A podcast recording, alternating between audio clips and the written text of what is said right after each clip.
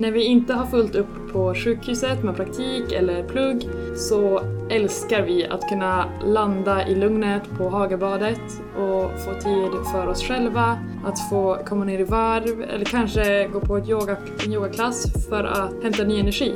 Tack Hagabadet att vi får värna vår hälsa med er. Stort tack!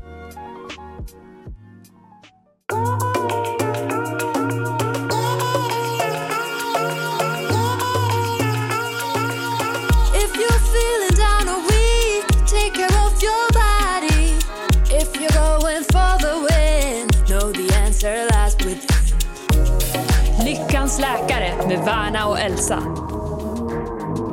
Varmt välkomna till ett nytt avsnitt av Lyckans läkare. Idag sitter vi i eh, Anatomen på Medicinarberget där vi en gång i tiden satt som nyblivna läkarstudenter och pluggade massor av teori. Ja, verkligen en memory line när jag kom hit i, idag. Vad fick du för känsla? Eh, jag fick faktiskt lite fjärilar i magen för att jag tycker att det var väldigt bra tid eh, när, när jag gick liksom här och hade föreläsningar och lärde känna folk och var helt ny i Sverige. Så det var en bra tid i mitt liv. Härligt! Ja. Okej. Idag vi ska intervjua en öron näsa halsspecialist och jag tycker att det är extra spännande för att på min sån här topp 5 specialiteter så har jag faktiskt listat öron näsa hals. Mm, visste inte jag. Nej? Ja, jag tycker att det är spännande för att vi ska snacka om snarkningar. Jag tycker det är sjukt intressant och just i och med att det drabbar så himla många och jag har många i min närhet som jag vet har problem med det. Så det ska bli så spännande att höra vad Joel har att säga om vad man kan göra åt snarkningar. Ja. Elsa, snarkar du? Nej, gör du? Nej. Yes! Men det, vi följer... eh, Ja, vi får se hur vanligt det är med snarkningar också då, tänker Ja. jag. Okej, då välkomnar vi in Joel Bergqvist. Tackar, tackar. Vill du börja med att berätta, vem är du? Joel Bergqvist. Jag är pappa till två barn. Jag är gift, boende i Göteborg. Och rent professionsmässigt så jobbar jag med öron och halssjukdomar. Och har gjort det sedan 2014. Är numera öron halsspecialist. Började min karriär på NÄL i Trollhättan. Och var där i två och ett halvt, tre år och har sedan 2017 varit här på Sahlgrenska. Numera och just idag så har jag sedan ett år tillbaka gjort en gren-ST, heter alltså en subspecialisering inom öron näsa halssjukdomar som heter audiologi. Och är en, en, en under, ut, liksom en, en subspecialisering innanför hörsel och balanssjukdomar. Okej. Spännande. För, Eh, som är ytterligare två och ett halvt år då. Så du är fortfarande, du jobbar men du är fortfarande under någon typ av utbildning? Kan man Jag är säga så? specialistläkare som fortfarande gör en ST. Ja. Skulle man kunna säga, en gren-ST. mm. Okej. Mm. Varför, för det första, varför blev det öron näsa halssjukdomar? Och sen, hur kommer det sig att du specialiserade dig inom audiologi just? Ja, det är en bra fråga. Det, Ja, det, är, som, man, det är livets mysterium vart liksom vägarna bär. Eh, varför jag var intresserad av öron halssjukdomar när det begav sig, nu för rätt många år sedan, tiden går fort, var nog framförallt eh, för att jag anser mig själv vara en ganska praktiskt lagd. Jag eh, gillar eh, kirurgi, jag gillar att arbeta med händerna rent liksom, generellt. Um, öron, näsa, hals för mig innan jag gick in i specialiteten för att undersöka vad det var, var att det var en specialitet där du både jobbar delvis med rätt mycket medicinska frågeställningar men också en hel del med händerna. Liksom. Eh, Så det var väl, om man säger, som ingången till varför jag valde att prova på specialiteten till att börja med. Vad är det en öron näsa halsdoktor kan göra med händerna? Ja, öron, näsa, halsdoktorer, eller om man då istället vänder på det och säger hud-halskirurger, för det är det vi faktiskt är, hud-halskirurger, så, så är det ju det operativa från halsen upp till ja, hjärnan. Inte hjärnan i synnerhet, för det har vi neurokirurger till, men, men eh, upp till skallbas. Eh, där, där, det är ju vårt operativa fält. Eh, och ja, med det sagt innanför det området finns det ju en väldig bredd på vad man kan och inte kan göra operativt. Så det är ju allt ifrån svalg och avancerad luftvägskirurgi till näs, bihålekirurgi, öron, hörselförbättrande kirurgi, tumörkirurgi i huvud-halsregionen. Ehm, och eh, nu kommer säkert någon kollega bli trött på mig om jag glömmer någonting. Men det, är- det, är, ju, Det det, är ju, det är ju en väldigt, väldigt bredd kan man säga. Det, det, och så skiljer det såklart liksom beroende på om du är en halsläkare i det privata eller om du sitter på ett länssjukhus eller om du är på ett universitetssjukhus. Mm. Ehm, Förståeligt också då att man behöver göra sån subspecialisering så som du gör då med audiologi. Att man kan inte kanske kunna just allting inom öron, näsa, hals eller? Nej, men det är väl om man ska liksom prata om öron, näsa, hals i, liksom i generella drag. Så skulle jag säga att öron, näsa, hals, det är ju på pappret en liten specialitet med många underinriktningar. Samtidigt så är antalet, om vi bara tittar på den liksom barnpopulationen, den pediatriska populationen, så är antalet besök på vårdcentral, alltså antalet som söker på en vårdcentral för något problem, öron, näsa, halsrelaterade frågeställningar svarar för mellan 20 till 30 procent av alla besök. Och pratar vi vuxna så rör, rör det sig kanske om 10-12 procent. Så trots att i sammanhanget är det en, liksom, li- liksom små områden så är det ju en enorm patientgrupp. Ja, verkligen. Och det är en patientgrupp som jag upplever bara under den tiden jag har jobbat. Det är en grupp som ställer högre krav. Och det gäller väl egentligen inom all sjukvård. Kunskapsläget blir bättre inom fallområdet. Patienter förväntar sig mer. Eh, och det ställer enorma krav på primärvården och våra kollegor där. Liksom. Eh, och med det sagt så tror jag också att det framöver kommer vara så att eh, många av liksom oss som utbildar sig till halsläkare kommer arbeta kanske mer fokuserat utredande, kanske närmare kontakt med primärvård för att kraven från patienterna ser ut så i dagsläget. Men hur vanligt är det på vårdcentral har man ju allmänläkare men är det vanligt att det finns öron, näsa, halsläkare där? Jag skulle inte säga att det är vanligt, men det förekommer. Och jag tror att få vårdcentraler idag skulle vara negativt inställd till att en öron-näsa-hals-specialist eh, söker ett arbete innanför på en vårdcentral. För att fylla patientlistorna, det tror jag inte är något större problem. Nej, faktiskt. Eh, och, och som sagt, kunskapen efterfrågas i Ja. väldigt stor utsträckning. Men så är det ju en fråga om att man ger sig in i en specialitet som man förväntar är kirurgisk. Och där någonstans, eh, där någonstans tror jag att det, det för många är ganska problematiskt att man tänker att man vill jobba operativt men, men det visar sig att eh, det stora behovet kanske snarare är medicinskt. Liksom. Just det, just det. Så det är också en, en aspekt att ta in. Okej, men audiologi. Ja, Varför blev det det? audiologi. Lite kort då. Delvis så är det väl så att eh, när man är på en arbetsplats, man liksom, det, handlar, det, handlar, det handlar ju delvis här, vad man trivs med och vad som funkar. Sen så är det så att eh, de kollegor jag jobbar med på den audiologiska enheten är enormt kompetenta och det är väldigt, väldigt inspirerande och motiverande. Sen är audiologi, alltså både hörsel och balanssjukdomar är ju två väldigt stora grupper. Det är ju alltifrån alla barn som föds döva till patienter som utvecklar en hörselskada någon gång i livet. Eh, av någon anledning. Och det är ett jättespännande fält med mycket teknik, mycket spännande undersökningar. Det finns mycket att göra för patienterna. Eh, det jag gillar med det arbete jag har idag det är att det också är en, ett, ett område där man följer upp sina patienter och man, man liksom ser vad det blir av det. Eh, och det tycker jag är väldigt, väldigt liksom, givande. Det är som eh, Ja, det är väl syftet med det vi gör som jag ser det. Liksom, Att man gör någonting, man träffar människor, man får se dem igen och man, eh, man får feedback på hur det går för dem. Liksom. Och det upplever jag att jag får göra mycket när jag jobbar med just liksom hörsel och balansrelaterade sjukdomar. Det tycker jag är väldigt kul. Liksom. Mm. Jag tycker också det låter väldigt roligt att få ha en patient som man ser igen. Inte bara någon man ser, gör någonting med och sen skickar hem och inte ser någon gång igen. Utan den där uppföljningen verkar kul tycker jag. Ja, men det tycker jag. Det ska man säga. Det ligger väl lite, tycker jag, då, öron, näsa, hals som specialitet lite i fatet just på den aspekten. För väldigt ofta så är det ju saker du ser, vad det är du åtgärdade. Antingen på en kirurgisk väg eller medicinsk väg. Och sen, sen, så det är liksom många gånger uppföljningen av våra patienter inte är speciellt lång. Med det sagt så har du ofta löst ett problem och har en nöjd patient. men men det, det, det, det är inte de långa, Nej. långa förloppen. Eh, och så är man väldigt olika som person vad man tycker om och inte. Det är många som gillar den typen av arbete också.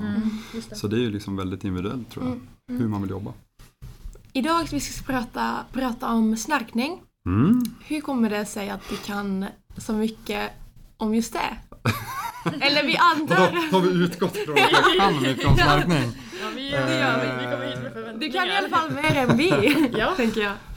Förhoppningsvis, Mer än de flesta. förhoppningsvis så kan man väl fler kanske än de flesta om man jobbar med övre luftvägar och har gjort under många år, tänker jag. Ehm, med det sagt så tycker jag det är väldigt kul att ni tar upp ett område som snarkning. Eh, och det tycker jag kanske i synnerhet för att det är en väldigt, väldigt stor grupp patienter som snarkar. Ehm, och idag i vården så, så finns ju inte sådär väldigt många vårderbjudanden just för rena snarkare. Liksom. Eh, så snarkning är ju inte någonting som så väldigt ofta kommer förbi vårdcentralen. Så det är som jag ser ju inte liksom ett större antal rena snarkare. Och det är just för att vi liksom i den offentliga vården så har vi inget egentligt så här direkt typiskt erbjudande behandlingsmässigt till dem. Snarkningsmässigt eh, så är det så att eh, omkring 40% av alla män och omkring 30% av alla kvinnor i landet mellan 30 till 60 år snarkar i någon grad. Snarkar du? Jag snarkar i allra högsta grad. Har du, fått, har du fått bukt på det eller Jag har du? fått bukt på det, vi kommer komma in på det Ja, senare. En, en, en av de metoder man, man, man skulle kunna använda. Riktig cliffhanger. Ja, Riktig cliffhanger ja. Ehm, så, att, eh, så att det är roligt att ni, att ni tar upp det ämnet. Och då är frågan vad, vad, vad vill ni veta om det? Vi kan väl börja med frågan, alltså snarkning. De flesta vet nog ungefär vad det är, att det, ja, det låter när man sover, men vad är det, vad beror det på? Ja, vad är det och vad beror det på? Där, där tänker jag så här att om man ska ta det rent, bara prata rent fysiologiskt, vad är det som händer?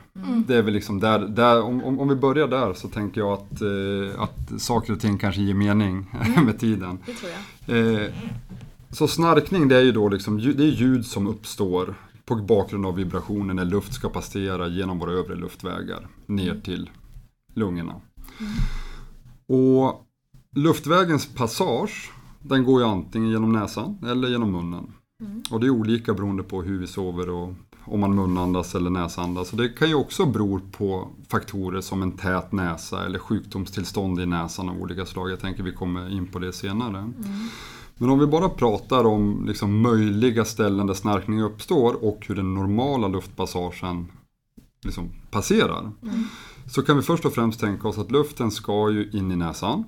Det första trånga och egentligen den enda riktigt trånga passagen för luften på vägen ner det är ju våra näsvalv. Liksom. Det är när- luften ska in genom näsan. Eh, och då är det liksom man kan ju göra det här väldigt matematiskt och besvärligt och det är lite kul att göra det ibland. Ja. För det finns ju faktiskt fysiker och matematiker för flera hundra år sedan som har räknat på luftflöden och hur saker och ting förändras. Och då är det faktiskt så att när luften ska passera näsvalvet har du en yta eller en radie, liksom en, en öppning, en area som om du, om du mäter ditt näsvalv och säger att ja, men den, den är en kvadratcentimeter. Ja, och näsvalv är alltså näshålan, Öppningen, näsborren. näsborren. Liksom. Precis. Mm. Halverar du den ytan för luften att passera så kommer det öka motståndet, alltså upplevelsen av att du ska få in luften gånger 16. Liksom. Oj. Så det är ganska stora skillnader. Det finns då en lag, en gammal herre från 1700-talet som heter eh, Posey. En, eh, en nederländare, en holländare. Eh, har jag för mig. Och som var, som var fysiker som, som kom fram till det här då, liksom utifrån liksom luftvägs, luftvägsmotstånd. Eh, så det säger någonting om hur vitalt liksom hur stora skillnader blir i liksom upplevelsen av näsflöde på liksom små förändringar. Så det är som första delen. Sen ska då luften förbi näsan och bakom näsan, då går ju näsan ihop med svalget. Svalget. Liksom. Ja. Eh, och den första trånga, liksom riktigt möjligtvis trånga passagen, det är när du övergår från det vi kallar då nasofaring, alltså den nasala delen av svalget, högst upp bakom näsan, Ja. ner till, den, ner till det vi kallar orofarings, det vill säga liksom den delen av svalget som du ser när du gapar i spegeln. Liksom. Ja. Däremellan har du den mjuka gommen som i väldigt många tillfällen bidrar till att när man ligger ner på rygg så lägger den sig mot bakre svalgväggen. Vi andas med luften upp och ner. Det blir som en ventilkil liksom. Som upp och ner, fram och tillbaka, eller hur? Ungefär det lät det. Jajamän. Därefter så har du då passagen från orofaryngx till det vi kallar larynx. Det vill säga alltså från bakre svalgväggen ner till det område där vi andas, alltså andnings och röstapparaten. Och där har du då din tungbas som nästa liksom möjliga trånga passage. Det vill säga du, du ligger ner, käken faller bakåt på grund av tyngdkraften och du får ett liksom mer ett Darth Vader-aktig typ av snarkning. Liksom. Just det. Ja. Som, också, som, som inte är liksom kanske det typiska knarrande, men det är också ett sätt att snarka på. Liksom. Eh, och hur man snarkar och beroende på hur, liksom, hur det låter och hur man gör, det beror nog mycket på liksom, om det är så att det är tungan som är stor eller om det är så att gom, den mjuka gommen är fladdrig, tar plats. Och beroende på tillstånd i näsan, liksom, är du väldigt tät i näsan och alltid munandas så vill jag ju föreställa mig att det snarare är än Ja. för då liksom, då, då, liksom de, de personerna som är väldigt tät i näsan föreställer jag mig oftare liksom andas i huvudsak genom munnen nattetid. Liksom. Mm, precis. Är det där, eh, man säger ju ofta att någon som snarkar eh, och ligger på rygg, man ska liksom väck, väcka personen och be och liksom vända sig mot eh, sidan. Kan det då hjälpa för just det här mjuka gum-snarkningen? Att man inte har liksom käken så långt bak och... Jag kan tänka vi kan, vi kan komma in på det senare, just sådär liksom vilka strategier man kan använda sig av för att få det att funka bättre. Bara för att också så här rent fysiologiskt, om man nu vill nörda ner lite på så här, vad är det som händer vid snarkning och vibrationer uppstår, så är det också lite roligt att förklara det ur en liksom lite mer sådär, liksom matematisk tanke. Och vi vet också genom sådana här lagar och regler som är mer på fysisk nivå att när luften passerar, liksom det kommer ett luftflöde, sen kommer en trängre passage, så som på någon av de här nivåerna. Det som händer är att hastigheten på luften den ökar liksom när den ska trattas ner på ett smalt område. Just det. Det som också konstigt nog händer då det är att eh, liksom i det här undertrycket så har saker och ting en förmåga att, att liksom komma närmare varandra. Typ som det finns, om du kollar på YouTube så finns det spännande filmer. alltid, alltid relativt vad man tycker är spännande. Men blåser man luft genom ett smalt rör mellan två ballonger som hänger så, drar, så, kommer de här, så kommer de här ballongerna möta varandra istället för att man blåser iväg dem. Och den effekten kallas en Bernoulli-effekt. Och det är det man också tror uppstår här vid snarkning. Att när du andas in så trattas i smala passager så trattas liksom luften ner, hastigheten ökar, det skapas ett undertryck och så möts liksom strukturerna, de sugs snarare ihop än blåses isär.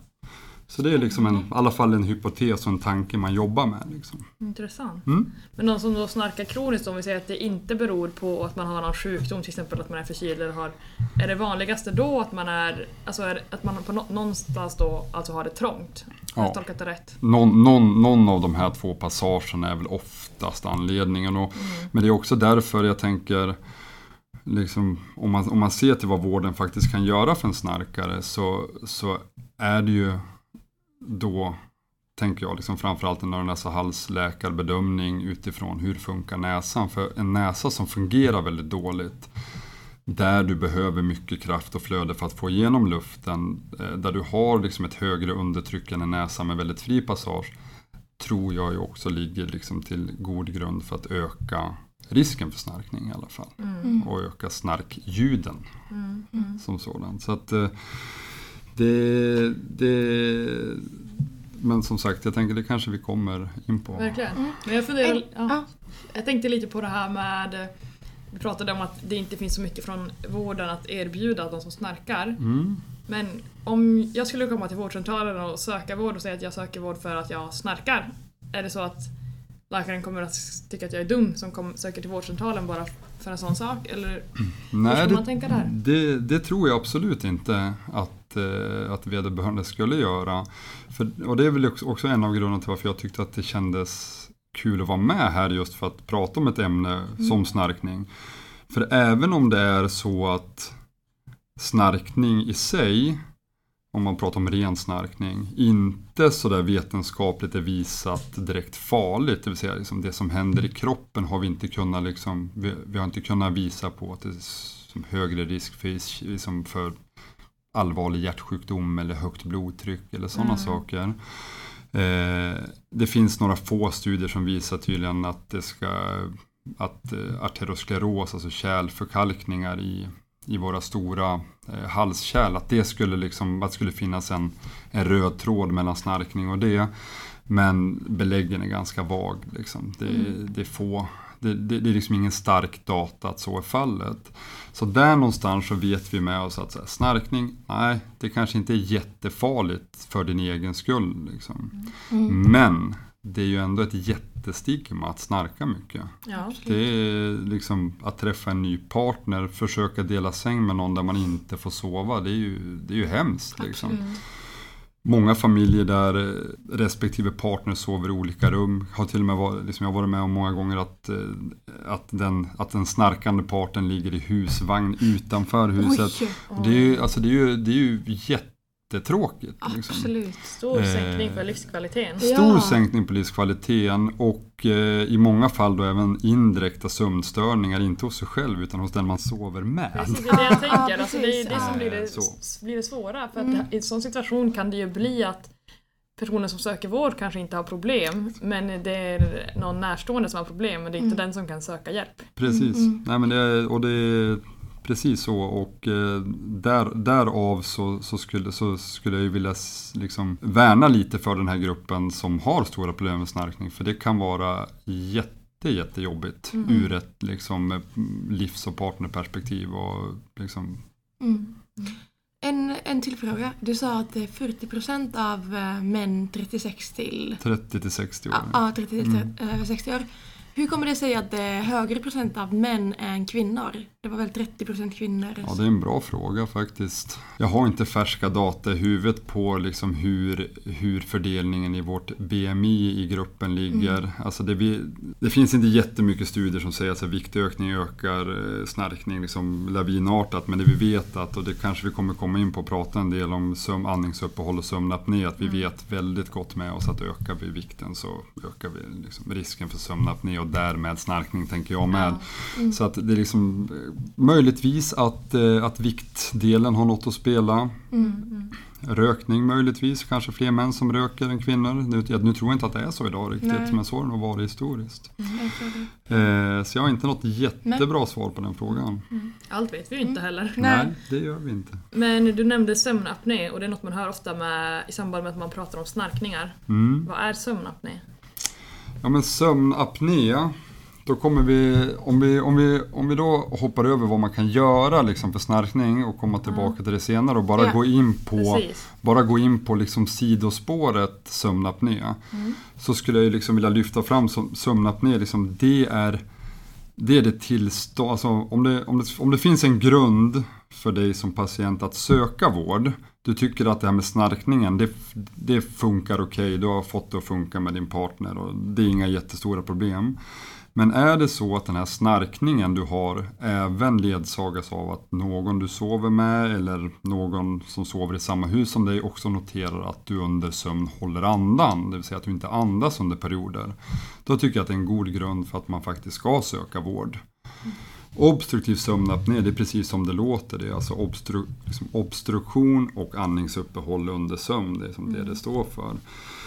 Och definitionen på ett apnétillfälle det är att du under 10 sekunder under sömn håller andan. Det vill säga att du inte har, du har ett totalt flödesmotstånd, eller egentligen inte totalt, det ska minimera till min, alltså max 10% av det normala flödestillståndet under 10 sekunder. Och det kan ju vara upp till liksom minutlånga apnéer för många patienter i stöten. Eh, uppstår de här apnétillfällena då de här 10 sekunders intervallerna upprepat 20-30 gånger varje natt, eller 20-30 gånger varje timme. Ja. Så kan vi föreställa sig att det som händer i kroppen när man konstant håller andan och pulsen går upp och driven, liksom andningsdriven ökar för att man ska få luft.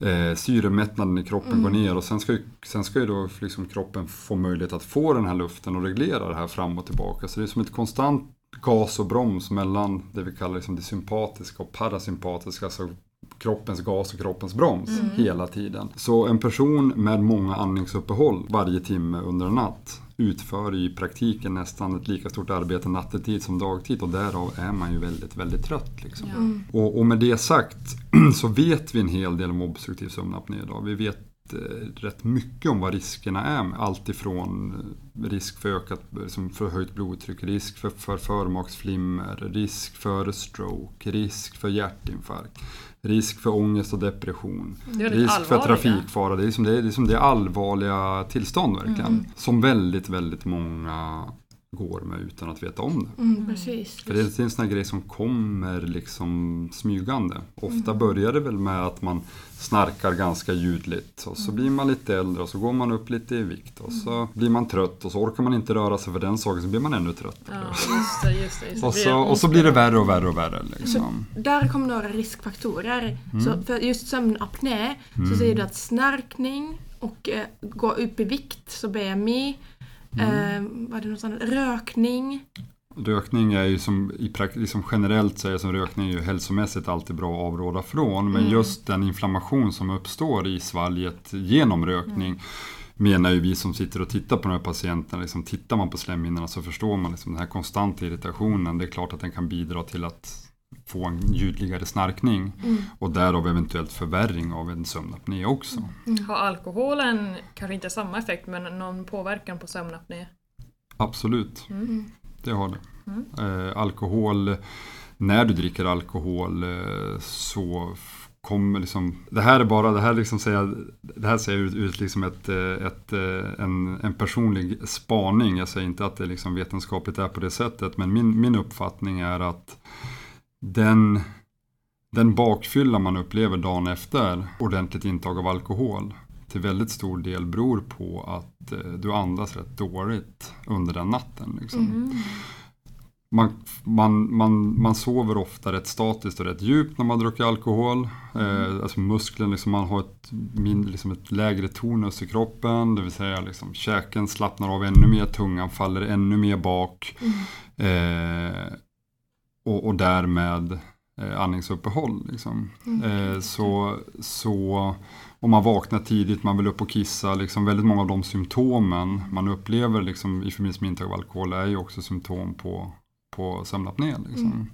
Så jag, jag, jag vill ju mena att, att väldigt många som kanske ligger där i gränsområdet på att ha ett fåtal apnéer, dricker de alkohol så får de betydligt fler och så har de en jobbig huvudvärk och, och, och väldigt uttalad trötthet dagen efter. Man vaknar ofta tidigt också när man har druckit alkohol. Så jag, jag vill ju tro att eh, skulle man ha haft en fri luftväg förbind- liksom, under natten, man, under natten man, man, har, man har festat till ordentligt så tror jag att man har en betydligt trevligare resa genom sin bakfylla. Ja, intressant. Vi ser om det kommer någon forskning på det. Hur är det med astma och KOL? Eh, påverkar de något eh, sömnapnérisken eller snarkningsrisken för den delen? Snarkningsmässigt, eh, pass. Snarkningsmässigt så vet jag inte riktigt. Alltså vi, vi, vi ser ju tydliga liksom samband mellan övre och nedre luftvägssymptom i fråga om liksom, eh, framförallt i fråga om allergiska problem, allergisk rinit, liksom allergiska problem med övre luftvägarna så finns det ju en väldigt stark vetenskaplig koppling till, till astma. Eh, och huruvida det påverkar snarkning vill jag låta vara osagt. Det tror jag inte det liksom, det har jag ingen direkt uppfattning eh, om faktiskt. Och förhållande till koppling till, till sömnapné så, så har jag inte liksom, siffrorna rakt, rakt framför mig heller riktigt.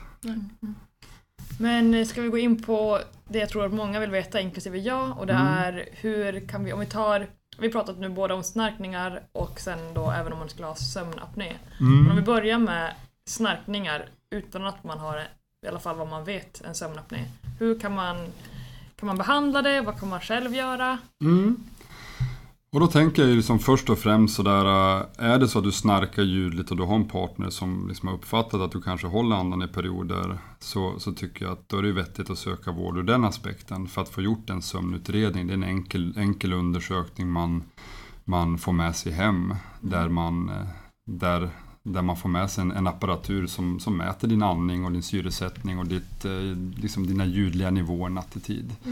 Eh, och en, liksom en utrustning du lämnar tillbaka dagen efter. Så det är liksom en väldigt, det är en väldigt bra bra undersökning som är relativt tillgänglig idag, högt och lågt. Liksom. Eh, speciellt om du är yrkeschaufför skulle jag säga, då tycker jag att du absolut ska, ska söka hjälp för det. Men är det så att det bara rör sig om ren snarkning så det är klart att det finns saker en doktor kan göra. Ehm, om man ska börja med liksom det innan en doktor kan göra liksom det du själv kan prova på. Det är ju att delvis så finns det idag, det finns ju så mycket appar och bra grejer och det finns, man har, har aktivitetsklockor som mäter hur vi står och går och ligger. Liksom. Eh, nu har jag inte jag något namn på någon app liksom on the top of my head men det finns ju bra snarkappar och sömnappar eh, där du också kan få ett hum om liksom, är det så att jag bara snarkar när jag ligger på rygg eller är det mest när jag ligger på sidan? Och det kan man säga både sömnapnémässigt och eh, snarkmässigt så är det en stor grupp som är positionsbetingade. Ja. Nästan helt och hållet, att det är ryggläget som är problemet. Liksom. Och då finns det ju liksom gamla husmorstricks för sånt här som ni säkert har hört talas om. Liksom. Och det är allt ifrån att man på en sov-t-shirt syr in ett par tennisbollar mitt i liksom ryggen. Va? Jag. Eh, för, det, för, för, det, för det är liksom tillräckligt med besvär för att man ska vända på sig men ändå för lite för att vakna. Liksom. Eh, sen finns det herrar jag har träffat eh, under mina år som har valt att vända bak och fram på frugans bh och lagt in en tennisboll i varje kupa. Också en modell. Eller som, kvin- eller som kvinna vända på den bak och fram. Eh, Just det där med att kroppen ska få en heads-up, alltså här ska du inte ligga liksom. Nej, och, så, och så rullar man över. Eh, och liksom som hjälp till det så, är, så, så finns det ju då också kuddar som är liksom lite mer av sån här tempur, liksom lite mer som styvare material som är mer ämnade för att man ska ligga på sidan och också bekvämare när man ligger på sidan som kanske finns ju inte liksom vetenskap som är väldigt tung för det ena eller andra men som jag inbillar mig hjälper till för dig som patient att stanna kvar liksom, eh, på sidan. Och det finns ju också sådana här fysioterapeutiska kuddkilar och sånt där man skulle kunna tänka sig att prova om man är, liksom, har riktigt stora problem. Sådana här liksom man lägger bakom ryggen. Det finns ju också sådana här långa amningskuddar. Ja. Såna, eller, nej, sådana här, vad heter de? Såna här Ja, långa jo, graviditetskuddar, det? långa korvar liksom. Exakt. Och sånt är ju liksom, jag menar, det är ju ingenting som, ingenting som, som är Ja, men all, nej, det är inget som är rätt eller fel utan man får ju prova sig fram. Precis, liksom. det är verkligen bara att använda kreativiteten. Använd kreativiteten liksom, Ja, och kommer du på något skitbra. väldigt smart som du Ja, dessutom exakt. kan liksom bekräfta funkar så skicka, att... skicka ut det i etern liksom. Ja, det är ändå, det är liksom all, all, allt, allt som kan komma fram är bra. Det har varit kul att se lite mer sådana typer av liksom inlägg på Instagram och sådana ställen. Ja, Det är- precis. Jag hade mycket fokus på typ mat och sånt men väldigt lite fokus på Och snarkning. livsstilsgrejer, ja, Ja. precis. Såna här näsporsvidgare, är det Mm. någonting att ha? Ja, det, är ju, det är ju en jättebra fråga och det är liksom, ska vi komma in då liksom på om vi ska komma in på liksom vad, vad av behandling som finns för snarkning. Ja, då. jag tänker att vi kan, vi kan ta det som steg för steg. Nu var Ja. det ett steg då. Det var ett steg, första ja. steg. Börja med att... Positionslä- position liksom. Ja. Och för din egen skull såklart. Liksom, alltså det vi har data för det är att vi vet att om man motionerar så sänker man sitt AHI, alltså man sänker antalet andningsuppehåll per timme om man, är, om man har sömnapné. Eh, därmed så inbillar jag mig också att snarkning också blir bättre liksom. Ja. eh, av motion. Viktnedgång alla dagar i veckan. Liksom. Eh, sen finns det ju då, det finns en del, en del forskning som har, som har undersökt liksom, eh, om man säger så här, fysioterapi, alltså eh, övre luftvägsträning. Ja. Nu har liksom, och det är sådana här program, det är ingenting som vi erbjuder i Sverige liksom på något sätt så här regelbundet. Är, kör det här så blir det bättre. Men liksom, om vi nu ska bara tänka liksom vilka möjligheter som finns och vad man internationellt sett skriver om. Så är det bland annat att eh, det finns belägg för att liksom, träning av, av musklerna i, i svalget eh, har en positiv effekt. Däribland så finns det också några udda studier som har, som har undersökt eh, människor som spelar blåsinstrument. Yes. Och visar på att det liksom, eller äh, inte spelar utan spelar blåsinstrument för att se om, om det minskar snarkning. Och det ser det också ut att göra. Så. Wow. Ja. Men finns det fysioterapi för det i Sverige då? Eller måste man, man gå på Google? Ja, man får nog googla Man liksom. nog googla. Eh, och man får nog googla lite nördigt för att hitta, Ja. hitta de här programmen som ändå har liksom publicerats om. Då, Just liksom. det, just det. Eh, men internet finns ju där och allt går ju att finna liksom. Det är bra. Mm. Man får ta tag, alltså det, om det är ett stort problem är det ju definitivt värt många googlingar. Det är värt många googlingar, det är värt att prova något. Och som sagt så här att prova lära sig spela trumpet och sen dessutom ha en positiv effekt snarkningsmässigt. Det hade ju varit kul. Jag vill inte Ja, säga ja. att det funkar men det finns lite vetenskapligt belägg för att det då kanske Två gör det. flugor i en smäll. Ja, Fast exakt. tänk på partnern där, när du övar på att spela trumpet. Det du liksom lyssna på det under dagen och under natten lyssna på snarkning. Det är kanske inte... Frågan är vad som är värst. Ja, exakt. Precis, precis. Okej, men eh, Ja. okej, då hade vi position, vi hade motion och viktnedgång. Mm. Så har vi då eventuellt en fysioterapi. Ja, och träning av muskler i övre luftvägar där jag har liksom inget direkt eh, förslag. Det är ingenting jag liksom i, klin, i praxis har använt. Mm. Eh, utan det är snarare liksom ett område jag är lite nyfiken på. Ja, kul. Mm, det är bra. Vad har vi som Nästa nästa, steg? Ja, men nästa steg, om man kommer till doktorn eh, och man kommer till vårdcentralen så skulle jag vilja gissa att man pratar om sömnhygien. Liksom. Man pratar om eh, att eh, sova tillräckligt mycket och man pratar om mm, liksom, att gå och lägga sig på samma tid och liksom, ja, sömnsanera, liksom, ha, en, ha en rutin som funkar sovmässigt. Ja, att, att, att ha det mörkt, att undvika skärm de sista timmarna innan man går och lägger sig. Framförallt det här, liksom, det, det, det tror jag väl för alla hjärnor är bra. Liksom. eh, och att, och att, ha det, att ha det släckt och hellre liksom gå och lägga sig en halvtimme innan man har tänkt att gå och lägga sig. Ja. Eh, för att komma till ro. Mm. Eh, Mm. Och ha en rutin där man varvar ner, det tror jag väl det allra viktigaste. Ja, och sen så kommer det ju vara, jag, jag, jag, den gången jag läste medicin så gjorde jag det i Danmark och då fanns det ett uttryck att man ska ge alla patienter en kram. eh, och jag tycker det är så bra för det står liksom för kost, rökning, alkohol, motion. Liksom. Det är ju det vårdcentralsläkaren ska prata med patienten om. Vårdcentralsläkaren ska ge patienten en kram. Liksom. Kost, rökning, alkohol, motion. Ah, Eh, och, det, och det är ju liksom så här, det är ju åt, liksom, som läkare så har man idén om att man ska bota alla. Liksom. Men det handlar ju väldigt mycket om att lindra och trösta. alltså det är, ju, det är ju faktiskt den stora delen av det vi gör. mm. Eh, så det är ju mycket rådgivning och utbildning och information som, som ska till för att förhoppningsvis stärka patienten i det tillstånd den har och få den att vara handlingskraftig liksom, Verkligen. inför sina problem. Mm. Inte att lösa problemet åt dem liksom, alla gånger. Eh, och tycker då den här vårdcentralsdoktorn att den kommer inte hela vägen och patienten kanske klagar över nästäppa eller att den ofta har ont i svalget eller tycker att det var tjock i svalget, då är ju öron halsläkare nästa steg. Liksom. Mm. Och det en öron halsläkare näsmässigt kan hitta då, ja men till exempel en väldigt sned skiljevägg. Att man strukturellt i näsan har hinder som är av liksom anatomisk karaktär, det vill säga att det är benen som liksom inte gör att flödet är helt öppet och rakt.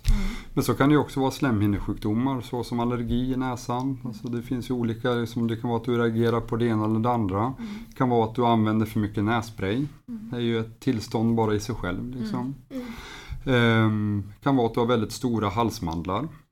Sådana saker. Och så kan det vara att vi tittar med kamera och just hittar de här täta områdena för att liksom och det är väl många gånger när, jag tänk, när det kommer till snarkning idag, det man liksom framförallt som öronläkare kan ge, det är en, en bra förklaringsmodell och information och råd om det vi pratar om nu egentligen. Liksom. Ja. Men, och det gäller väl liksom, tror jag, rätt många tillstånd att man som patient vill vara upplyst och känna till, lära sig mer om de problem man har. Liksom. Väldigt många gånger är man som patient rätt nöjd när man har nått dit. Liksom. mm. Så det, allting går ju inte ut på att bara liksom bota och radera. Liksom. Nej, verkligen. Men jag tänker ändå, finns det någonting mer man, alltså om man själv har gjort alla de här sakerna som rekommenderas, man är, har ett bra BMI, man röker inte, man motionerar, man har en bra sömn, so- sovrutin. Du sköljer näsan dagligen med koksalt och allting sånt. Ja, det, ja, det, vi kanske ska gå in på de grejerna, ska man skölja då? Vad ska man... Nej, nej, inte så. Utan det är, det är mer som, ja det är ju liksom för en som jobbar med näsor så är det så här, skölj näsan det är alltid bra. Liksom. Det är så? ja, det, ty- det tycker man ju som näsdoktor. Berätta, varför ska man, kan du motivera oss till varför vi ska Nej, men det, Jag snarkar inte ens, Nej, man, det är klart näsan? att man inte ska skölja näsan om man inte upplever att man har några problem. Liksom. Utan, men hos våra, hos våra kroniker som har kroniska problem med sina näsa och bihålor så är det ju någonting med att liksom, näsan är ju, dels är det ju en värmepump och dels är det ett filtersystem. Liksom. Och Allt det vi andas oavsett vart vi är innehåller ju massa små skräp. Liksom. Så det är ju massiva mängder näsan filtrerar. Och eh, för att slemhinnan ska vara mottaglig och göra liksom, att den här filterfunktionen ska funka bra och det inte ska bli att man konstant upplever sig tät eller att man är snorig och så här, så, tror, så är ju liksom teorin där att sköljer vi näsan så gör vi slemhinnan mottaglig för att liksom vara sitt bästa jag. Just Liksom. det, just det. Eh, och har man problem liksom med bihålonäsa så, så, eh, så är sköljning liksom första linjebehandling och det är, många patienter upplever att det är väldigt, väldigt tacksamt. För hela poängen där är att förebygga liksom, återkommande infektioner och sådär. Just det.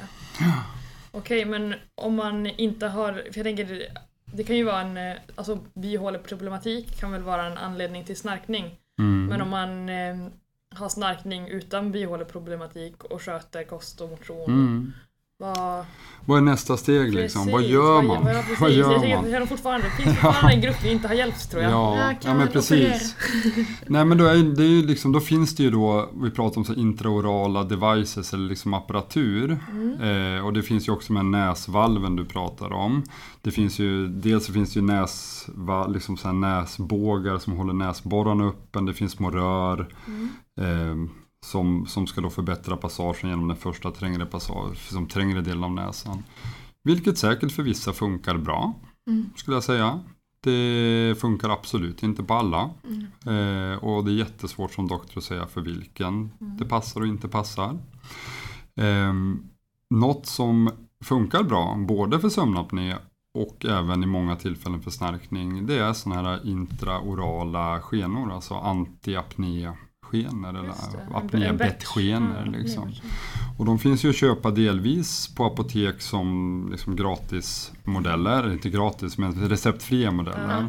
Eh, som man värmer i mikro och sådär. Liksom. Eh, de har väl sämre resultat skulle jag säga Mm. än vad en riktigt bra skena som är gjord av en tandläkare har. Men samtidigt så är det ju någonting man kanske, om man är nyfiken på att se om det funkar, Mm. ändå skulle unna sig att prova innan man går och via sin tandläkare får gjort en sån här ordentlig skena. För det kostar rätt många tusen att göra en liksom, riktig eh, antiapnéskena. Liksom. Mm. Ja, då är det till tandläkaren man går och inte till en läkare. Nej, det är tandläkaren som gör det och, de, och då ska man ju också hitta en av de tandläkare som faktiskt är bra på det och gör det. Och då, liksom, då skulle jag ju liksom efterhöra med min vårdcentral och har inte de ett bra svar så skulle jag höra med, med antingen en öron halsläkare alternativt försöka skriva eller få kontakt med sömn, sömnverksamheten här på Sahlgrenska för att få liksom en riktning att gå i. Om man som patient är intresserad av att göra det. För det handlar mycket om att hitta en tandläkare som är bra på att göra det för att det ska bli bra. Liksom. Det är intressant. Så det är alltså inte något som en läkare kan göra remiss för utan det här är en ett tandläkarvård. Det är det ju. Alltså det är ju någonting som jag som läkare skriver remiss för såvida patienten har rätt till att få den subventionerad. Och det har du om du har åtminstone då en måttlig sömnapné med Då snackar vi de här 15 andningsuppehållen i timmen. Och dessutom en uttalad trötthet då. Så att då, då kan man ju då få det subventionerat. Men annars får man ju bekosta det helt själv. Och då är det ju ingen remiss. Liksom. Vad är din erfarenhet? Hur många patienter är intresserade av eh, just bettskena? Alltså när det kommer till sömnapnoikerna så är det ju väldigt, väldigt många. Ja. Eh, för att det är en väldigt lätt och behändig, eh, lätt och behändigt alternativ. Eh, jämfört då med en andningsmaskin som är huvudspåret då Mm. vid, vid sömnapné. Och då i många fall så, så räcker ju den här behandlingen väldigt långt. Liksom. Mm. Och hjälper mot snarkning i många fall. Det mitt eget, ska- ska jag säga då. Apropå cliffhanger. Ja, var det, så det var, det var andnings... Ja, jag, jag, jag, jag med en sån skena. Ja. Liksom mycket Ja. för att jag också, också utifrån att, alltså delvis utifrån eh, det som professionella perspektivet om man rekommenderar det till patienter högt och lågt. Ja. Men också för att min eh, fru tycker att jag snarkar. Liksom. Ja, och det har, blivit bättre. Mycket, mycket bättre. verkligen. alltså väldigt mycket bättre. Ja. Och jag det- sover mycket bättre ska Ja. sägas. Ja, det är jag bra. sover Det otroligt mycket superbra. bättre. Ja. Men det är ju en väldigt så här, på, på, på mikronivå, på Just min det. egen personliga nivå. Det är ju superbra. Och har du kört på då tandläkaren eller apoteket? Både och då. Mm. Har stor skill- upplevde du stor Ja, den, är skillnad? ju, alltså den, den som tandläkaren gör, den är ju, det är som sådana här invisible tandställningar idag. Det är som, den syns ju knappt. Liksom. Ah, Den är ju superelegant. Den, på, den du provar på först hos tandläkaren är som ett stort åbäke, en stor legokloss i munnen. Liksom. Den är inte det så liksom inte, häftig. Inte ens nästan likadant. nej, nej, det är en stor skillnad Okej. faktiskt i kvalitet och utförande och Okej. utseende. Men eh, vi pratade lite om att det kan vara om man har till exempel stora, stora tonsiller, Mm. eh, alltså halsmandlar, Mm. eller anatomiskt anatomiska problem som kan Mm. skapa snarkning. Mm. Jag funderar på, jag har ju läst nu öron näsa halskursen och där fick vi lära oss om olika indikationer på om man ska ta bort, operera bort halsmandlar. Kan man få ta, operera bort halsmandlarna på grund av sna, svår snarkning? Där ibland tvistar de lärde. Eh, man kan väl säga att snarkning idag är ju inte en indikation för att ta bort halsmandlar. Det, och det är ju också det, för då ska man ju se det utifrån att så här, är snarkning farligt? Nej, det ser inte ut att vara farligt, men det är ju liksom problematiskt för personen i fråga. Men att, att operera halsmandlar, är det farligt? Ja, det är potentiellt sett farligt. Liksom, det finns risker med all kirurgi och att operera halsmandlar är inte ofarligt. Liksom, med, med, med blödningsrisk och infektionsrisk och allt vad det innebär. Det ska sövas och hela den biten. Så att, Eh, att operera halsmandlar för ren snarkning idag är ingenting som görs i det offentliga. Det finns säkert privata öron-näshalsläkare som tycker att eh, de vill göra det. Eh, men det, inte, det faller inte under någon officiell indikation. I Sverige operationsmässigt för snarkning idag har vi inte mycket. Det finns enstaka privata alternativ som använder sån här liksom radiofrekvensbehandling där man som går in och punktbränner på olika ställen och sådär. Ingenting jag har gjort och ingenting jag vet så mycket om. Ehm, internationellt så är föreslaget massa olika små spännande ingrepp med laser mot, mot snarkning. Liksom då pratar vi liksom laserbehandling av gom, mjuka gommen och svalget. Kanske kommer komma till Sverige. Eh, framförallt när vi har mer data och mer liksom eh, om man säger mer klarhet i vilka tekniker som är riktigt bra. Eh, för där är riskerna ganska små. Men det är ingenting som liksom ligger under något form av offentligt erbjudande idag. Det är det inte. Nej. Däremot för sömnapné, där kan ju halsmandlar absolut ryka. Liksom. Just det. Mm. Så. Men eh, vi kanske ska nämna det lite. Du pratade ju om andningsmaskin eller liknande för sömn, sömnapné. Mm. Mm. CPAP minst, misstänker jag att vi tänker på. Ska vi berätta lite? C-papp eller papp bara kanske. Papp, papp. Aha. Ja, papp, okej. okej. Vad är det då? Eh, nej men det är ju då alltså vad, vad det står för så här, positive airway pressure. Liksom. Mm. Och, och CPAP är ju det vi använder, det är det vi alla pratar om. Liksom, Mm. För det står för continuous positive airway pressure. Liksom. Mm. Det är en andningsmaskin som ser till att din luftväg konstant hålls öppen. Det skickas en, en, positiv luftstråle som gör att du har fri passage av luft fram och tillbaka. Eh, idag så är de här apparaterna väldigt automatiska så de kan liksom, väldigt ofta kallas de APAP eller andra PAP-modeller liksom, beroende på vad maskinen gör. Liksom. Eh, den gången man bara hade CPAP så ställde man in det på ett tryck och det var det den körde vad man än gjorde. Liksom, som en dammsugare som var på och av. Men idag så är de ju otroligt liksom, kompetenta på att ta hänsyn till liksom, när man andningsuppehåll så ökar trycket lite grann. När man andas ut så släpper den på tryck. Alltså den, det är väldigt mycket komfortmässiga saker som, som har utvecklats på väldigt avancerad nivå. Liksom. Så att, eh, och det är ju första linjebehandling helt klart och det är också en behandling som när den funkar är helt fantastisk. Liksom. Då, du raderar ju varenda andningsuppehåll, du raderar snarkning. Så jag menar, kan du leva, vill du, kan du tänka dig att ha en andningsmaskin eh, och eh, trots att du har en väl, liksom bara snarkning, även om den är väldigt, väldigt högljudd, så är det ju en behandling som funkar för snarkning. Så är det ju. Jaså. Är Men det- alltså det, anledningen då till att man inte behandlar enbart snarkning med CPAP är att den själv låter mycket så det blir Mm, Nej, utan att det inte är farligt att snarka. Okej. Det är, det är inget som samhället vill betala liksom, Mm. För idag. det, där, där tänkte jag fråga, om bettstjärnan måste man eh, stå för själv liksom, men man fick eh, en viss... Eh, om man fick remiss till det så, Mm. så be, behöver man inte betala lika Nej, mycket. har, du, har du som sagt en måttlig sömnapné så, får du, så betalar du, ja, ja det här kan ha ändrats, eh, jag kan inte svära, det, och det, och det ska sägas, Sverige är så, det är olika från region till region, det det. är, Mm, liksom, det är väldigt olika beroende på vart du bor i landet.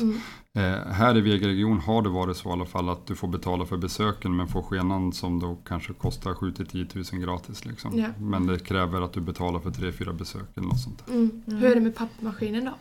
Pappmaskinen får du också gratis Mm. eh, så länge du går under, under obstruktiv sömnapné Mm. eh, indikation.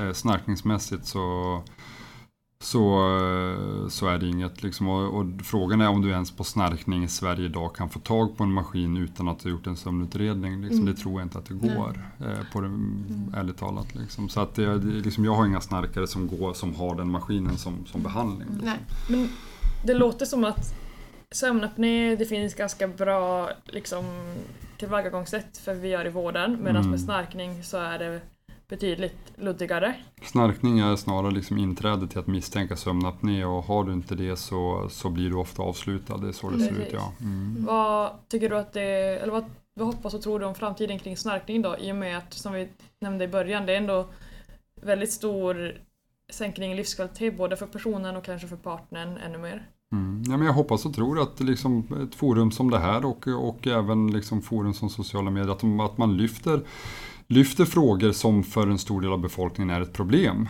Eh, och, och sen, sen så tror inte jag att vi har någon ultimat lösning på att så här, hur får vi bort snarkning hos alla människor, det tror jag inte. Men bara det att frågan lyfts och liksom kunskapen ökar omkring det så tror jag väldigt många kommer komma kanske inte hela vägen men eh, 70-80% nöjda istället för 10% nöjda Mm. eh, utifrån den situation de har. Bara genom liksom, de enkla saker vi har pratat om idag. Liksom. Eh, sen är ju min förhoppning som liksom, kirurg också att, eh, att man faktiskt hittar sätt där man på relativt enkla sätt faktiskt kan, eh, kan prestera bra förutsättningar för att inte snarka. Mm. Jag tänker det låter ju verkligen, om det går med laser eller sådana metoder om man har en snarkning på grund av mer trångt i halsen eller Mm. stora halsmandlar. Mm. hade ju verkligen varit, om det finns någon enkel behandling som inte är så farlig, att kunna åtgärda det. Ja, och det är som sagt för sömnapné så, så vi så har ju sån typ av kirurgi effekt på andningsuppehållen. Mm. Men snarkmässigt så har vi inte så mycket belägg för att det blir så mycket bättre. Mm. Ehm, och även de här långtidsuppföljningarna på de här laseroperationerna indikerar på att de flesta skulle faktiskt inte rekommendera sin nära vän att göra det och mindre än hälften är faktiskt så väldigt nöjda med att de faktiskt gjorde det. Så att det, det är rätt skakigt liksom Ja. Mm. på den kirurgiska sidan just nu. Mm. Ska vi gå vidare med en lyssnarfråga innan vi avslutar? Hade vi en sån också? Ja. men det tycker jag. Okej. Det tycker jag. Vill du ta den? Ja, jag kan läsa upp den. Jag är en 20 26-årig kille och har snarkat så länge jag kan minnas. Röker inte och är inte överviktig. Har testat att sova med muntejp, men det hjälper enbart inte. Finns det hopp att bli snarkfri? Kan jag söka vård för detta? Det är ju lite något vi har tagit upp, men... Mm. Mm.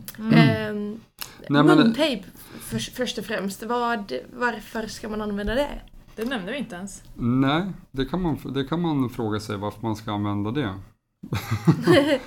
Ja, Eh. jag har hört talas om det Min kille också. använder det faktiskt eh, Ja, för att andas, andas med näsan precis, näsandning. natten. Jag har hört det i träningssammanhang Ja, men jag har också hört det liksom i förhållande till elitidrottare som, som, eh, som eh, provar det och upplever också, många upplever att de liksom får en bättre sömn. Sömn, eh, ja. liksom, och, att, eh, och, ja, och att teorin är att luften ska passera mer obehindrat kanske. Då. Jag, vet, Mm.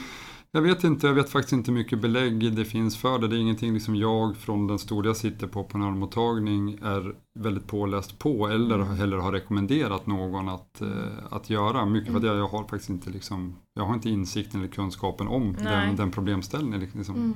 Det enda jag kan komma Det, på... det är elitidrottare som jag har hört tagit upp det här. Ja. Liksom, och det är ofta elitidrottare som kommer och säger sig vara tät i näsan när de, när de idrottar. Just Men, det. Men tycker ändå liksom har provat det här och tycker att det kanske, ja jag vet inte. Tycker att det är bra. Mm. Intressant. Mm. Och till eh, den här killen då? Vad tycker du om Ja, med 26 år, har snarkat så länge han kan minnas. Han har liksom haft en snark en snarkhistoria som har pågått under lång tid. Eh, jag tycker att en, en sån här eh, i övrigt frisk eh, absolut ska liksom söka och få en bedömning av kanske i första hand en privat öron eller liksom en, en öron innanför det offentliga fast inte på det stora sjukhuset. Just liksom. det. Och det här i Göteborg så har vi, då, eh, har vi ju flera alternativ till det. Liksom, under den offentliga flaggan också, men, men även privat som alternativ. Det kan ju vara mycket i det här fallet. Liksom. Ja.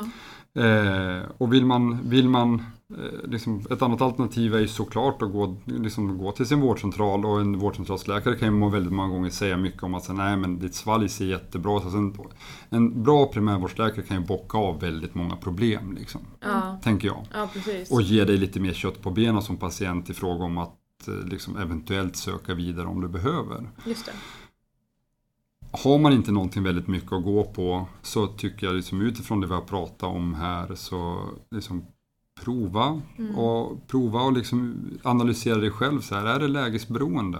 Är, det liksom, är det, är det liksom ren lägesnarkning vi pratar om och är så fallet? Prova att mixtra och modulera med att stanna på ena sidan. Liksom. Det kan låta löjligt men det, det kommer ju påverka framförallt din sängpartner positivt. Liksom. Ja, Och det kan ju vara mycket värde. Ja, precis. Och, och, och som andra alternativ, liksom som, som det alternativ där som det ändå finns bra belägg för så är det ju den här liksom, skenmodellen. Liksom, och då kanske i första hand prova en receptfri. Även om liksom, en funktionen av en receptfri på pappret är sämre så tror jag i alla fall att man som person kan få en hint eller upplevelse av om det faktiskt funkar. Det. Och då ska sägas till alla som tänker sig att prova det att de första dagarna, till och med kanske ett par veckorna, är inte så roliga i fråga om att det känns konstigt att bita ihop på morgonen. Det kan göra ont i käkleden, man kan tycka att man är torr i munnen. Övergående problem säger jag. Just Men det. det är som en seg uppstart. Så är det liksom. Och det får man faktiskt bara liksom inse att det inte, det, inte, det går inte bara av sig själv liksom. Men Påminner det blir om- bra liksom. Ja, det påminner mig om när jag var liten när jag sov med en sån här tandställning med Ja. nattmössa Yes. på nätterna. Det, det, var ju, det, var ju, det var inte jätteskönt heller, men det var ju värt det. Ja, Mm, precis. Ja. Man ska ha tålamod. Ja. Ska vi gå in på sista frågan som vi ställer till alla våra Jaha. lyssnare? ja, spännande. Ja, fri tolkning. Okej. eh, vad är ditt bästa hälsotips? Det är ditt bästa, inte Mitt inte bästa som- hälsotips, ja det kommer direkt väldigt fort. Det är ju bara, det är ju mitt, det är, det är mitt hälsotips till mig själv. Ja. Och det är att cykla till jobbet. Åh! För som, som småbarnsförälder så är det liksom den Ja. enda riktigt bra träningen jag får. Mm. Eh, och de dagarna, liksom, blir en- går det en vecka där jag inte cyklar ett par dagar Mm. Så går jag miste om åtminstone liksom, 1200 kilokaloriförbränning. Just det, just Per dag, det. liksom. Hur, Eh, nej men jag, jag, jag tycker liksom att så här, shit vad jag mår bra av att kunna cykla till jobbet. Liksom. Mm. Det är så, så himla nice. Liksom. Det är så mycket motion jag får av det. Liksom. frisk luft på det också. Ja, Jajamän. Eh, Både ja. sol och regn kanske. Ja nej, men verkligen. Liksom, och det, har man, nu, nu ska jag inte dra gränsen, har man mindre än fem säger och inte tio Trampa på en vanlig cykel liksom. Just det, just det. Mm. Hur långt är du då? ja, 10 kilometer ungefär. Men det är väl jättebra? Då Ja, det kan ju två mil om dagen, Ja. det är inte dåligt. Det är superbra. Då är jag nyfiken som cyklist själv. Vad Mm. har du för cykel då? Ja men den får inte vara för fin för då blir den ju stulen. Ah. det blev min fru så här bara häromdagen, skittråkigt. Nej. Nej. Eh, Ja, det så, jag, så jag har en, en eh, vintertid, en sån här, eh, ja, vad heter det, gravelcykel liksom som ändå med, ja det är bockstyre liksom, Ja, ja. Scott Speedster. Men inget som är skitfint, det är fortfarande mekaniska skivbromsar. Ja, liksom. Ja, ja, är bra. Och en, en till fråga. Har du hjälm när du cyklar? I allra högsta grad. Bra. Ja. Det, det gillar vi. Självklart. Ja. Tack så jättemycket Joel. Tack själva. Tusen tack. Ja, kul. Så, då har vi lärt oss en hel del om snarkning, om både anatomiska och fysiologiska orsaker till det. Ja, och jag tar definitivt med mig den grejen att det är inte fel att söka vårdcentral för att man snarkar. Jag vet själv att jag kan ha känt mig, nu är jag, som sagt, jag snarkar inte, men jag har känt ibland när man går till vårdcentralen för någonting att man kan ifrågasätta sig själv. Okej, men är jag dum som söker för det här? Är det här? Borde jag bara ta och stå ut med det här? Men det är verkligen inte så man ska tänka utan om man har någonting som är ett problem, till exempel snarkning som påverkar en själv eller ens partner, så våga också ta hjälp om du först har provat de tipsen på livsstilsförändringar man kan göra. Och Elsa, vad står stor kram för det? Kost, rökning, alkohol, motion. Bra. Mycket bra, det ska ni lyssna er, lyssnare också ta med er. Ja, Kram! det är en bra grej. Då ska vi gå in på um, veckans lyckopiller som vi alltid listar. Vad är Elsas eh, lyckopiller?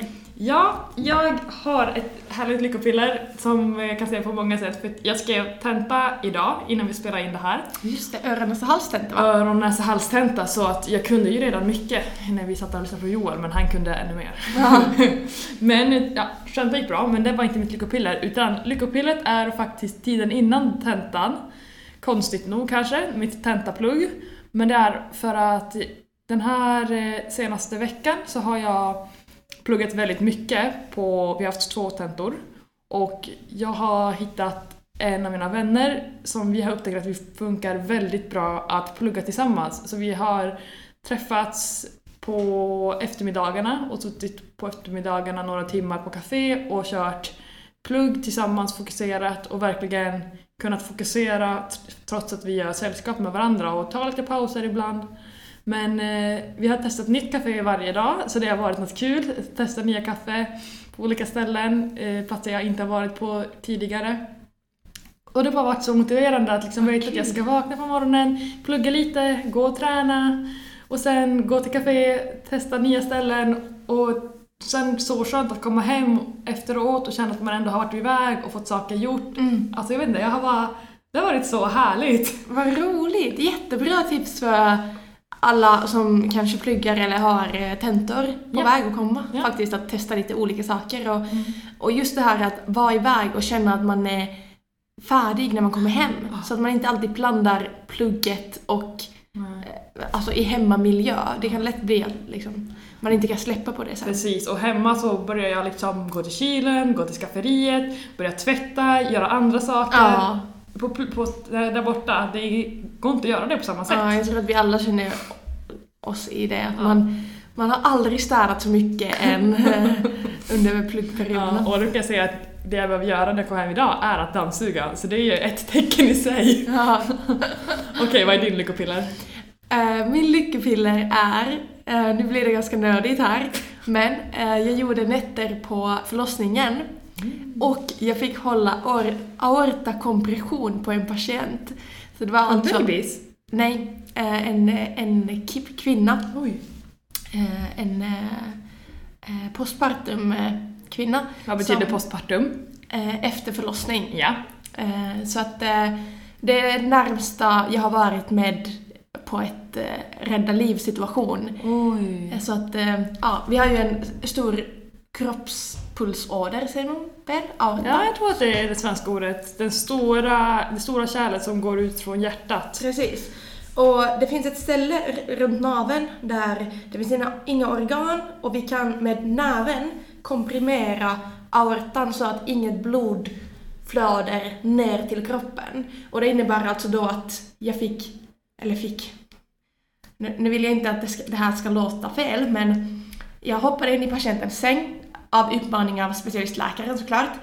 Eh, och fick hålla liksom hela min kroppsvikt på min näve på en patient på liksom magen så att vi komprimerade aortan så att hon inte kunde blöda neråt och då inte förlora blod och hamna i en chocktillstånd. Okej, Eh, så hon blödde mycket nere vid... eh, Precis, efter förlossningen, det var en komplikation, så hon blödde väldigt mycket. Eh, och då kunde vi liksom förhindra det. Så jag satt i sängen när de rullade oss iväg till operationssalen. Oj. Så det var, du vet, en sån här riktig Riktigt! Jag Anatomy tänkte det var moment. Så du satt i sängen och tryckte ner? Ja, och de bara rullade oss iväg. Och in i akutoperation och allt gick bra. Hur, och kä- vad tänkte du där och då när du satt där i sängen? Jag hade, jag vet inte vad jag hade tänkt. Det enda jag tänkte på var fan vad glad jag är att jag eh, har tränat och har liksom, det är väldigt jobbigt att hålla aortakompression. Eh, och jag kände liksom att, att jag fick så jävla mycket mjölksyra i min arm. Eh, men det enda jag egentligen tänkte på bara var att eh, att jag ska bara hålla den här kompressionen så gott jag kan och inte släppa även om det gör så jävla ont även i min arm liksom. Och när jag sen fick eh, släppa och en anestesisköterska tog över eh, och de sövde patienten och så, så fick jag så jävla, alltså jag har aldrig darrat så mycket i handen, både av adrenalin men också av uttröttning. Jösses. Eh, Så det här låter väldigt dramatiskt och det var faktiskt det. Men det var också, det är min veckans lyckopiller för att eh, det var så häftigt att kunna vara med på det och veta att, att det, det finns en sån enkel sak man kan göra för att stoppa blödningen. Otroligt. Mm. Wow. Ja, Eloge. ja. Och allt blev bra med patienten och bebisen och så, så att det också, det var en, ett fint avslut på det hela. Vad fint. Mm. Ja, jag blir såhär lite mållös. Ja. Wow. Ja. Eh, vad är din veckas lyckokiller? Du hade lite svårt att komma på någon killer sa du. Ja, men, jag har eh, lite svårt, men jag är alltid så diffus i de här sakerna. Men vet, det är ju inte det att jag inte har några problem, det är inte det, men de är så diffusa ibland. Men jag tror att det får bli någon typ av känsla som vanligt och det är väl, nu känner jag lite det här att samhället och att det är så svårt att slappna av, att ta bort stress och press. Alltså, vi lever i ett samhälle där man förväntas så mycket från, var, som, från oss som människor, alltså både förväntningar på hur man är som student, som på jobbet, gentemot vänner, eh, mot partner, egna förväntningar man har på sig själv och att man jämför med andra och liksom samhällets förväntningar på massor av saker om hur man ska ha utvecklats, hur mycket man ska ha hunnit med i sin karriär, vad man ska göra på ens, när man har sommarlov som student. Alltså det är så mycket krav ibland kan jag känna och jag kan ha svårt att bara jag vill bara gå min egen väg och bara, jag vill bara gå min egen väg och göra det jag tycker är kul och inte tänka så mycket på vad andra tycker och tänker och krav utan bara göra det jag vill. Men ibland är det svårt att veta vad som är ens egna vilja och vad man gör för att man, andra förväntas av en. Mm, mm. Så någonstans där, typ att jag har lite svårt att bara kunna chilla och vara nöjd, Mm. tror jag. Vad är din lyckokille? Jag känner att jag inte riktigt vet vad jag kommer fram till här. Nej men min, eh, min har att göra med det här eh, nätterna jag gjorde på sjukhuset. Det här var första gången jag gjorde liksom tre nätter i rad. Eh, från klockan nio till sju på morgonen då. Mm. Ehm, och jag var ganska nervös innan, lite taggad, men nu i efterhand så kan jag säga att det har påverkat mig på det sättet att, alltså att jag vill inte att sådana saker ska påverka vilken specialitet jag väljer. Mm. Men nu i efterhand så kan jag säga att det var så jävla tufft. Alltså, kroppen mår inte bra av att vara vaken 9 till 7 på morgonen.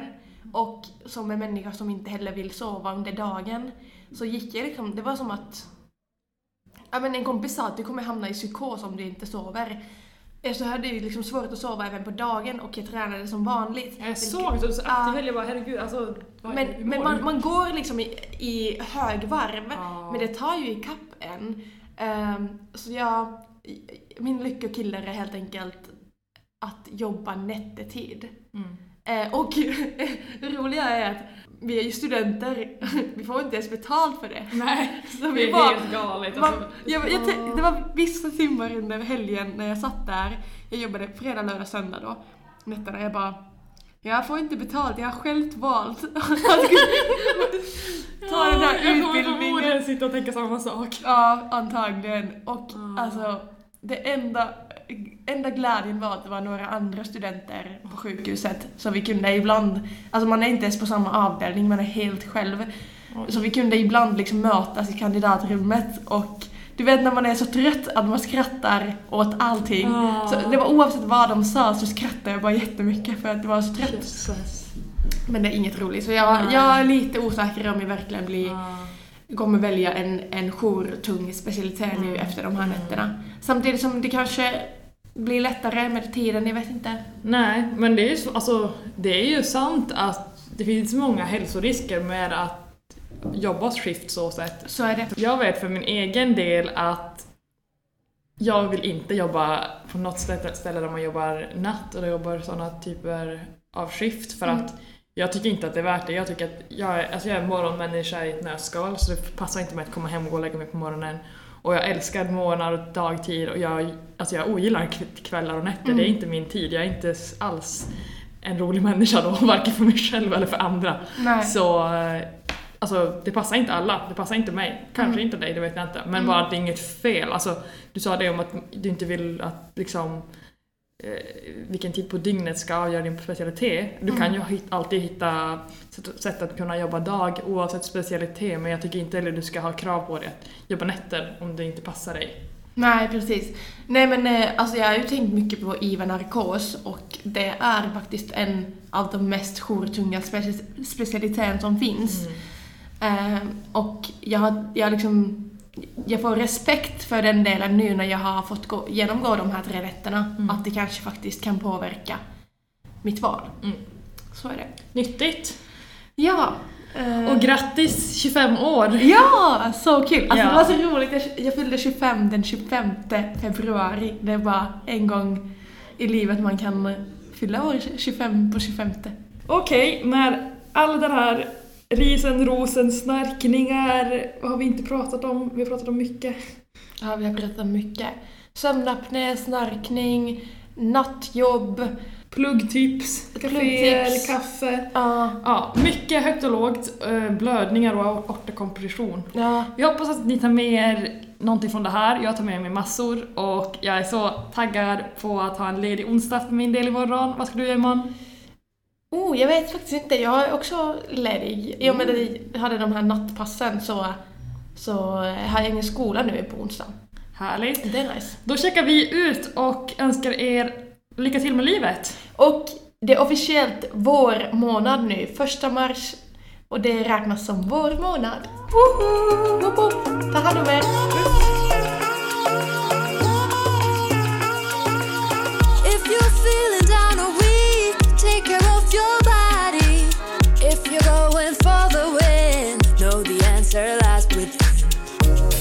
Lyckans läkare med Värna och Elsa.